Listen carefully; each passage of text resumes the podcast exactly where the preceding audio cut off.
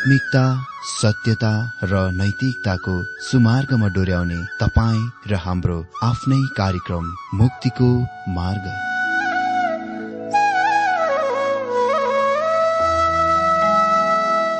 आदरणीय श्रोता यस मुक्तिको मार्ग कार्यक्रममा हार्दिक स्वागत छ। आशा छ यस आत्मिक कार्यक्रमद्वारा जीवनमा आत्मिक आशिष अलौकिक शान्ति र आनन्द प्राप्त गर्नुहुनेछ। र जीवनमा धन्य अनुभव गर्नुहुनेछ। आउनुहोस् श्रोता मन र आत्माको तयारीको लागि यो मिठो अनि मधुर भजन गीत सुनौ।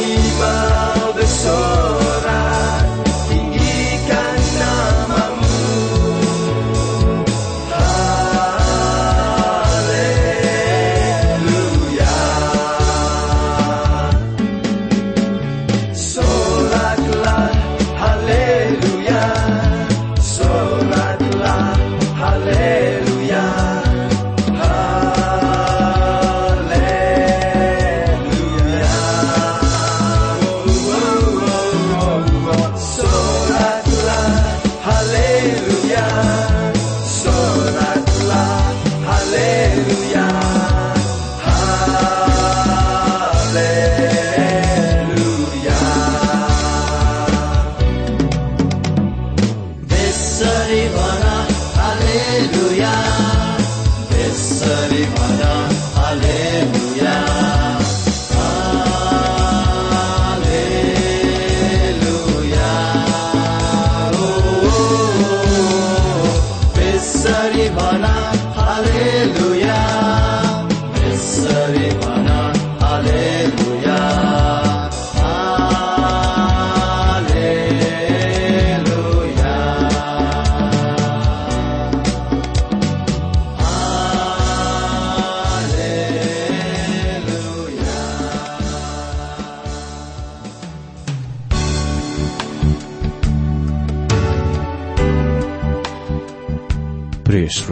यो प्रसारण मार्फत यो अवगत गराउन चाहन्छौ कि? प्रभुको सेवाको लागि यहाँहरूको साझेदारी नित्यन्त आवश्यकता छ। यहाँहरूले प्रार्थनाको साथसाथै आर्थिक सहायता गर्न अनुरोध गर्दछौ। तपाईँहरूको सानो भन्दा सानो भेटी किन नहोस्? हामी प्रभुको नाममा स्वीकार गर्नेछौ। प्रभुको सेवाको लागि। तपाईँहरूको यो सानो लगानीले कसैको जीवनमा भिन्नता ल्याउँछ अनि प्रभुको महिमा हुन्छ। प्रभु तपाईँहरूलाई महान गरी आशिष दिनुहुनेछ। इच्छुक श्रोताहरूले तपाईँको इच्छा भेटी हाम्रो ठेगानामा पठाउन सक्नुहुन्छ जुन ठेगाना हामी कार्यक्रमको अन्तमा दिनेछौ।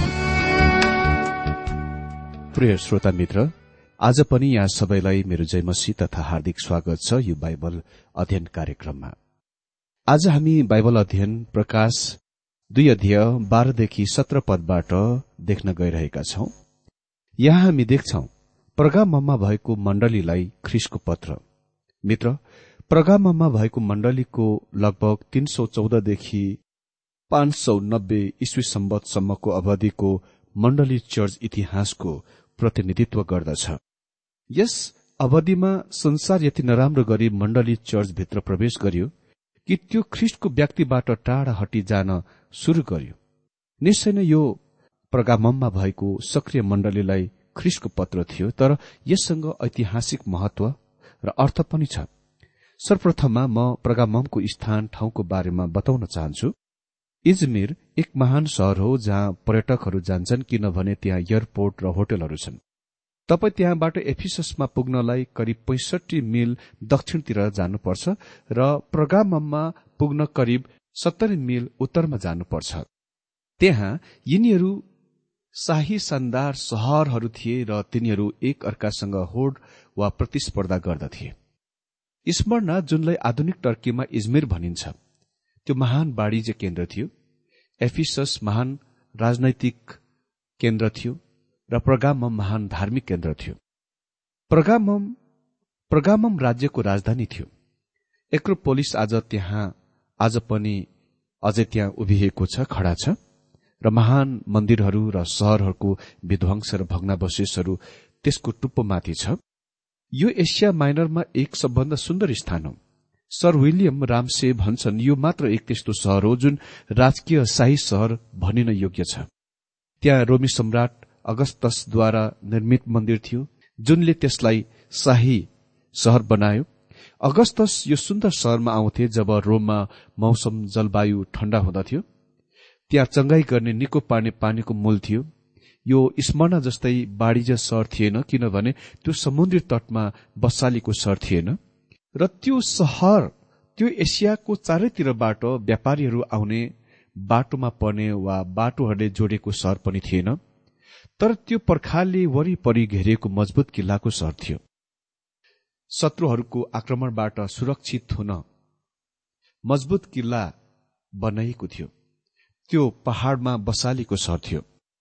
अहिले तपाईँ त्यस विशाल पर्वतलाई अझ उभिएको देख्न सक्नुहुन्छ र त्यसमाथि विध्वंसहरू भग्नावशेषहरू देख्न सक्नुहुन्छ।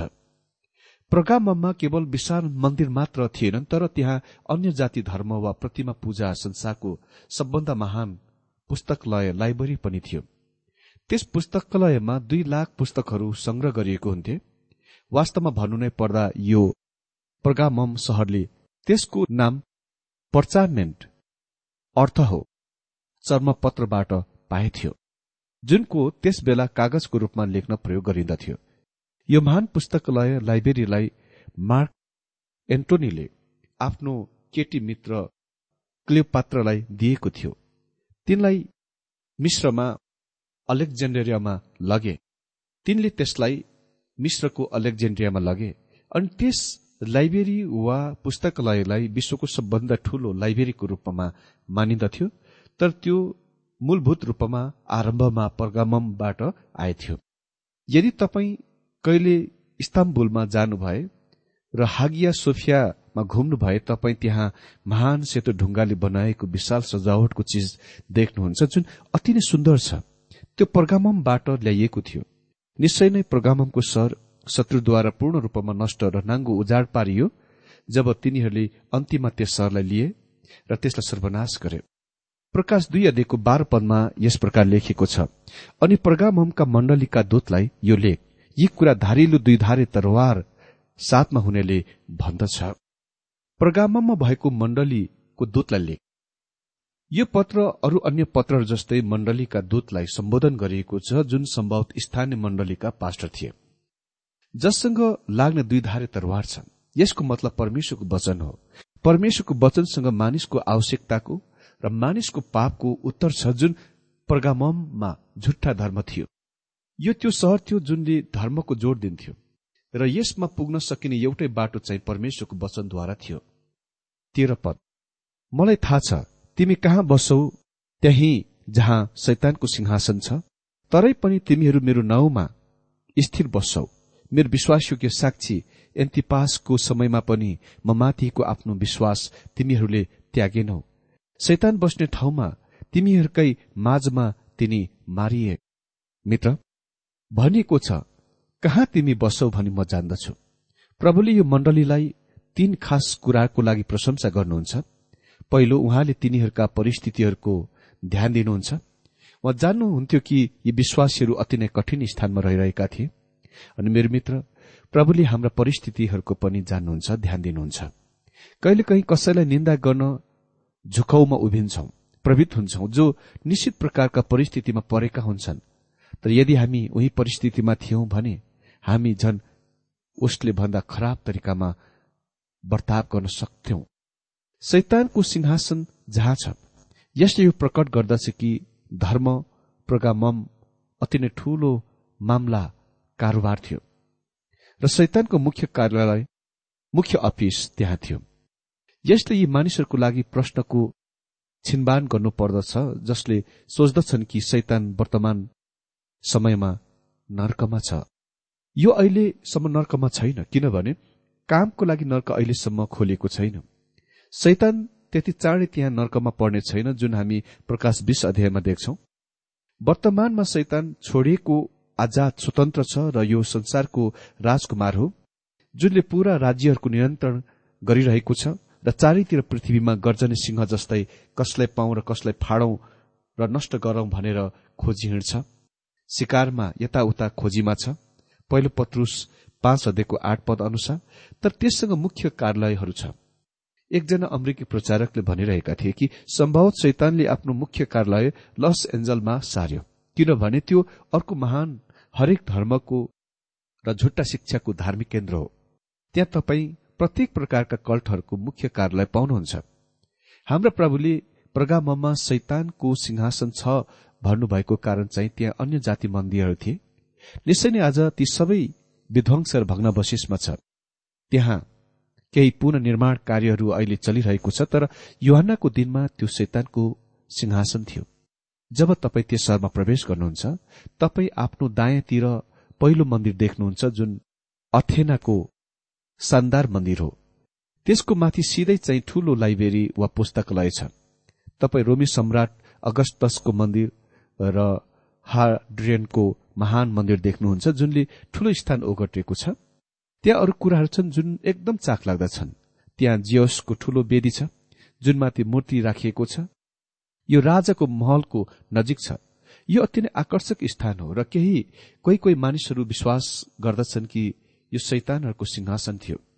हजुर मलाई लाग्छ त्यसको सम्मिलित गरिएको छ तर त्यो शैतानको सिंहासन यी सबै कुराहरूमा मेल वा संगठन हो।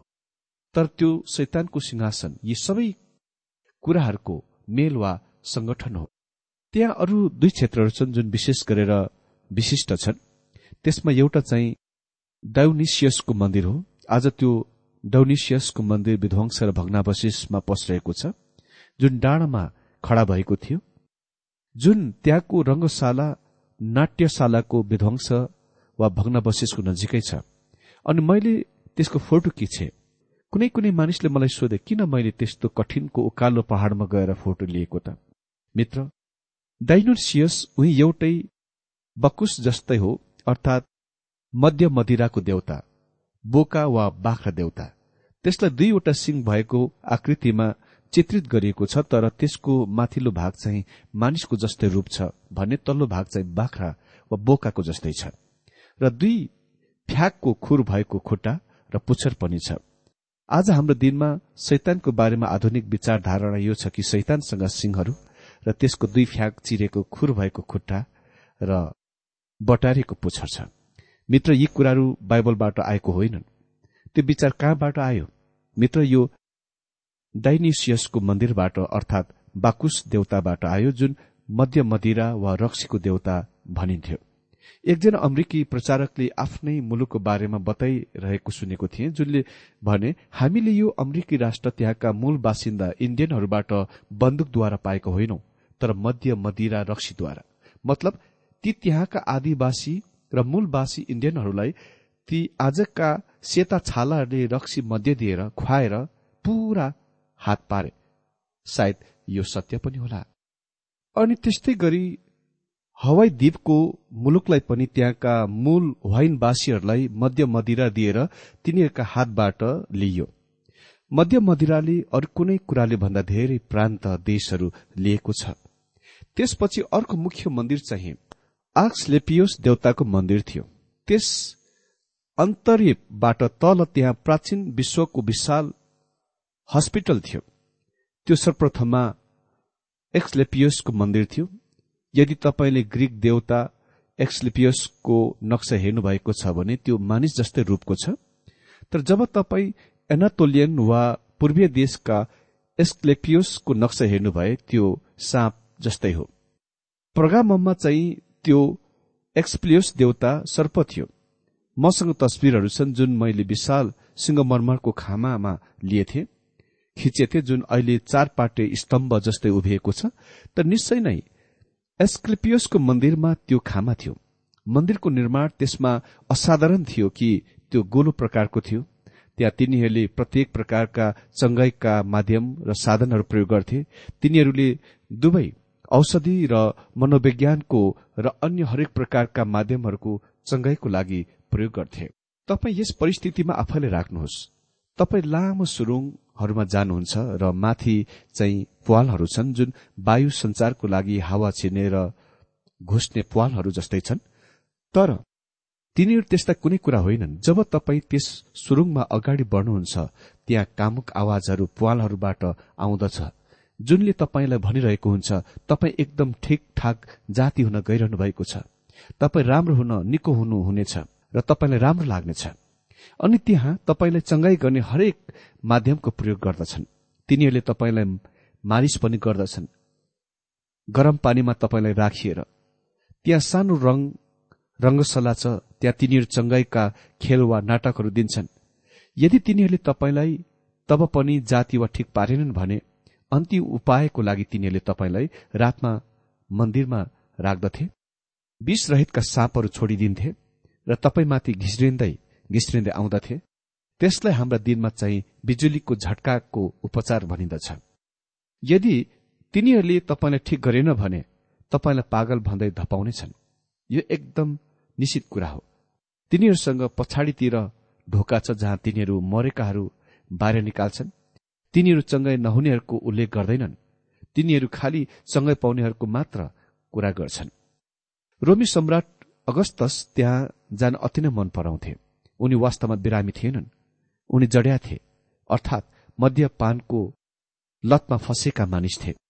तिनीहरूले प्रत्येक वर्ष उसलाई मध्यपानको लतबाट छुटकार दिन छुडाउन कोसिस गर्थे। त्यो महान स्थान थियो र करिब सात सय वर्षदेखि त्यो हस्पिटल थियो जहाँ पूरा संसारबाट मानिसहरू आउँथे। म तपाईँलाई भनौँ सँगै त्यस दिनमा शैतानिक काम थियो। त्यहाँ यस तथ्यको बारेमा कुनै सन्देह छैन कि त्यहाँ असल मानिसहरू थिए जसले औषधिको प्रयोग गर्थे तर आधारभूत रूपमा त्यो चाहिँ शैतानिक काम थियो। त्यहाँ नै शैतानको सिंहासन थियो। यो देख्नलाई महत्वपूर्ण कुरा हो। अहिले यहाँ पर्गाममा भएका विश्वासीहरूको लागि अर्को प्रशंसाको वचन छ अनि तिमीले मेरो नाम बलियो गरी पक्रेका छौ। तिनीहरू ख्रिस्टको ईश्वरत्वको बचाउने काममा विश्वासयोग्य थिए। हामीले पहिले देखिसकेका छौं पर्गाममा भएको मण्डली प्राय इस्वी सम्बत तीन सौ चौधदेखि करिब इस्वी सम्बत पाँच सौ नब्बे समय अवधिको प्रतिनिधि हो वा त्यसको प्रतिनिधित्व गर्दछ। वास्तवमा यस समय युगले विश्वासका महान वीर मानिसहरू जन्माएथे जब एरियन हेर्सी झुट मत खड़ा भयो जुनले ख्रिस्टको ईश्वरत्वको इन्कार गर्थ्यो उत्तर अफ्रिकाबाट अथानियसियस नाम गरेका महान विश्वासका रक्षक खड़ा भए र उसकै कारण तीन सौ पच्चीस इस्वी सम्बतमा नाइसियाको सभा परिषदको आर्यन झुट्टा मत वा धर्मको निन्दा गर्यो। अनि अर्को मानिस अगस्तस जसले पेलाजियन झुटमत वा शिक्षाको स्पष्ट उत्तर दिए यस पेलाजियन झुटमत वा शिक्षाले चाहिँ मौलिक प्रारम्भिक पापको र मानव स्वभावको सम्पूर्ण भ्रष्टताको इन्कार गर्थ्यो अस्वीकार गर्थ्यो र रोक्न नसकिने अनुग्रहको पनि इन्कार र अस्वीकार गर्थ्यो। यो अवधिमा यी दुई महान विश्वासका योद्धाहरू आए जो विश्वासका महान सिद्धान्तको लागि अटल भएर उभे। भनिएको छ मेरो विश्वास इन्कार गरेका छैनौ। यसले सत्य सिद्धान्त वा शिक्षाको संकेत गर्छ जुन क्रिस्चियन विश्वासीद्वारा विश्वास गरिन्दछ। अनि अन्तिपास मेरो विश्वास योग्य सहित भएका दिनहरूमा पनि। एन्तिपास शहीद थिए जसको बारेमा हामी त्यति धेरै केही पनि जान्दैनौ। उनी निश्चय नै प्रोग्राममा ख्रिस्टका लागि शहीद हुने एक पहिलो व्यक्ति थिए। उसको पछि त्यहाँ ठूलो संख्यामा मानिसहरूका झुण्ड उहाँको लागि प्रभुको लागि शहीद भयो। अहिलेसम्म ख्रिससँग प्रोग्राममा भएको मण्डलीको लागि खालि प्रशंसाका वचनहरू मात्र थिए। तर अहिले उहाँले दुई कुराको निन्दा गर्नुहुन्छ जुन त्यस मण्डलीमा थिए। चौध र पन्ध्र पदमा लेखिएको छ तर तिमीहरूका विरूद्धमा मसँग केही कुराहरू छन्? किनभने तिमीहरूसँग यस्ता कोही कोही छन् जसले बालामको शिक्षा मान्दछ इसरायलीहरूका अगाडि ठोकरको कारण बनुन् भनी मूर्तिहरूलाई चढ़ाएको भोजन खान व्याविचार गर्न बालामले बालकलाई सिकाए। यसरी नै तिमी कहाँ निकोलाइटसहरूका शिक्षा पालन गर्नेहरू पनि कतिजना छन्। निन्दाको लागि दुई कुराहरू चाहिँ बालामको शिक्षा र निकोलाइटसका शिक्षा थिए। बालामको शिक्षा यहुदा पद एघार अनुसार बालामका भ्रम वा त्रुटिबाट अलग बेग्लै छ जुनले प्रकट गर्दथ्यो कि बालामले सोच्यो परमेश्वरले इसरायललाई श्राप दिनु हुने थियो किनभने तिनीहरू पापीहरू थिए। दोस्रो पत्रुस दुई अध्यय चौध पद अनुसार त्यो एकदम बालामको चालबाट फरक वा बेग्लै हो जुन चाहिँ लालच थियो। तर यहाँ यस पदमा चाहिँ बालामको शिक्षा वा सिद्धान्त हो। उसले बालकलाई मुआवी स्त्रीहरूसँग अन्तर्विवादद्वारा इसरायललाई भ्रष्ट गर्न चाल तरिका सिकाए यसले इसरायल राष्ट्रमा दुवै प्रतिमा पूजा र व्याविचारको परिचय गरायो। अनि ऐतिहासिक समय अवधि जुन प्रोग्राममा भएका मण्डलीले प्रतिनिधित्व गर्दछ प्रभुमा अविश्वासी उद्धार नपाएको संसार मण्डली चर्चभित्र आयो। निकोलाइटनका शिक्षा हामीले हेरिसकेका छौं कि एफिससमा भएको मण्डलीले त्यसको घृणा गर्दथ्यो। तर यहाँ प्रोग्राममा भएको मण्डलीमा त्यहाँ कोही कोही थिए जसले यो शिक्षाको मानिरहेका थिए।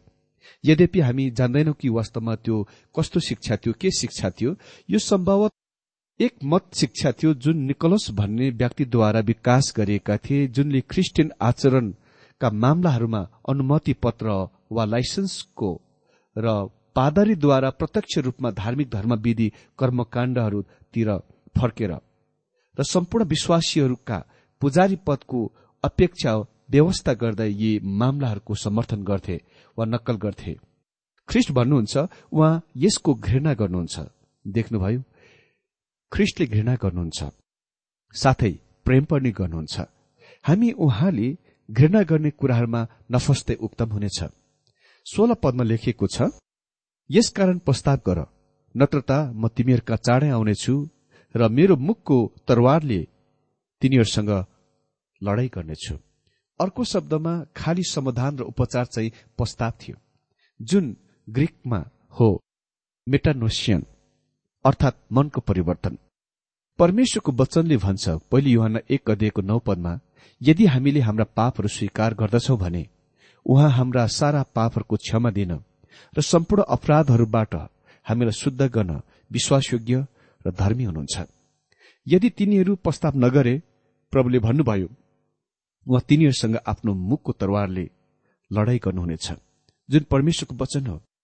हामी कस्तो भूल गर्छौं यदि हामी सोच्दछौ कि मण्डली चर्चसँग कुन चाहिँ गल्ती हो कुन चाहिँ सही हो सो कुराको निर्णय गर्ने अधिकार छ।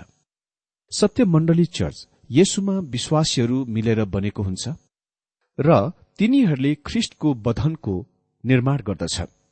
तिनीहरू संसारको ज्योति हुनु पर्दछ। अनि यदि हामी त्यो अन्धकार संसारमा ज्योतिहरू हुन गइरहेका छौं भने हामी ख्रिष्टको व्यक्तिसँग पहिचान हुन र हाम्रो अधिकारको रूपमा मण्डली चर्चलाई होइन तर परमेश्वरको वचनलाई थाहा गर्न एकदम होसियार हुन आवश्यक छ। मित्र सत्र पदमा लेखिएको छ जसको कान छ त्यसले सुनुस् पवित्र आत्माले मण्डलीलाई के भन्नुहुन्छ? जसले जित्छ त्यसलाई म गुप्त मन्नको केही भाग दिनेछु र म त्यसलाई नयाँ नाउँ लेखेको एउटा सेतो पत्थर दिनेछु जो पाउनेले बाहेक अरू कसैले पाउँदैन। जसको कान छ उसले सुनोस्। आत्माले मण्डलीलाई के भन्नुहुन्छ? यो चाहिँ आज तपाईँ र मलाई पनि हो। जसले जय पाउँदछ। विजय। यो चाहिँ पक्का खाँटी क्रिस्चियनको परिभाषा हो। हामी थुमाको रगतद्वारा विजय पाउँदछौ। हामी कहिले पनि विजयकर्ता वा विजय गर्नेवालाहरू होइनौ र हुन सक्दैनौ तर हामी उहाँले खन्याउनु भएको रगतद्वारा विजय पाउँछौ। हामी जान्दछौ कि त्यो विजय ख्रिस्टद्वारा जय गरिएको थियो। हामी आफै स्वयंद्वारा होइन। गुप्तमा राखिएको मन्न यसले चाहिँ ख्रिस्टको व्यक्ति र मृत्युको बताउँछ जस्तो उहाँ परमेश्वरको वचनमा प्रकट हुनुभएको छ। वास्तवमा भन्नु नै पर्दा येशुले भन्नुभयो कि उहाँ स्वयं नै रोटी हुनुहुन्थ्यो। युवाना छ दिएको बत्तीसदेखि पैंतिस पदमा हामी पढ्छौं। तब येशुले तिनीहरूलाई भन्नुभयो साँचो साँचो म तिमीहरूलाई भन्दछु मोसाले तिमीहरूलाई स्वर्गीयबाट त्यो रोटी दिएनन् तर मेरो पिताले तिमीहरूलाई स्वर्गीयबाट साँचो रोटी दिनुहुन्छ। किनकि परमेश्वरको रोटी उनै हुन् जो स्वर्गीयबाट ओर्लेर आउँछन् र संसारलाई जीवन दिन्छ। तब तिनीहरूले उहाँलाई भने हजुर यो रोटी हामीलाई सधैँभरि दिनुहोस्। अनि यसुले तिनीहरूलाई भन्नुभयो जीवनको रोटी मनै हो। जो म कहाँ आउँछ ऊ कहिले भकाउने छैन। अनि जसले ममाथि विश्वास गर्छ ऊ कहिले तिर्खाउने छैन। विश्वासीहरू ख्रिस्टमा खुवाइनु पर्दछ त्यो आत्मिक वृद्धिको लागि एकदम नित्यन्त आवश्यक कुरा हो। अनि वास्तवमा ख्रिस्ट दृश्यबाट गुप्त राखिनु भएको छ। उहाँलाई हाम्रा दिनमा थाहा पाइएको र बुझिएको छैन। ओ मानिसहरूले कसरी उहाँलाई अयथार्थ रूपमा प्रस्तुत गरिन्दछ गलत प्रतिनिधित्व गरिन्दछ उहाँलाई दुरूपयोग गरिन्दछ? भनिएको छ म त्यसलाई नयाँ नौ लेखेको एउटा सेतो पत्थर दिनेछु जो पाउनेले बाहेक अरू कसैले जान्दैन। मित्र स्पष्ट भावमा भन्नुपर्दा यो अर्थ खुलाउने वा व्याख्या गर्ने कठिन अलंकार हो। तर यो सिक्न मदतगार छ कि एसिया माइनरका मानिसहरू जसलाई युहन्नाले लेखिरहेका थिए तिनीहरूसँग घनिष्ठ मित्रहरूलाई पत्थर वा हात्ती दाँतको घनाकार वा आयतकार टुक्रा दिने चलन थियो जुनमा केही शब्दहरू वा प्रतीकहरू खोपिएको हुन्थे। त्यो चाहिँ त्यसको प्राप्त गर्ने व्यक्तिको गुप्त सम्पत्ति वा अधिकारको कुरा थियो। हजुर ख्रिस्ट भन्नुहुन्छ कि उहाँले आफ्ना प्रत्येक जनहरूलाई एउटा सेतो पत्थर र त्यस पत्थरमा लेखेको नयाँ नाम दिनुहुनेछ। म विश्वास गर्दिन कि त्यो नयाँ नाम तपाईँ र मेरो लागि नाम हुनेछ। अह तर त्यो उहाँको लागि नयाँ नाम हुनेछ। म विश्वास गर्दछु कि प्रत्येक नाम बेग्लै हुनेछ किनकि हामी प्रत्येकको लागि उहाँको केही अलग कुराको अभिप्राय छ। अनि यो हामी प्रत्येकलाई उहाँको व्यक्तिगत र घनिष्ठ नाम हुनेछ।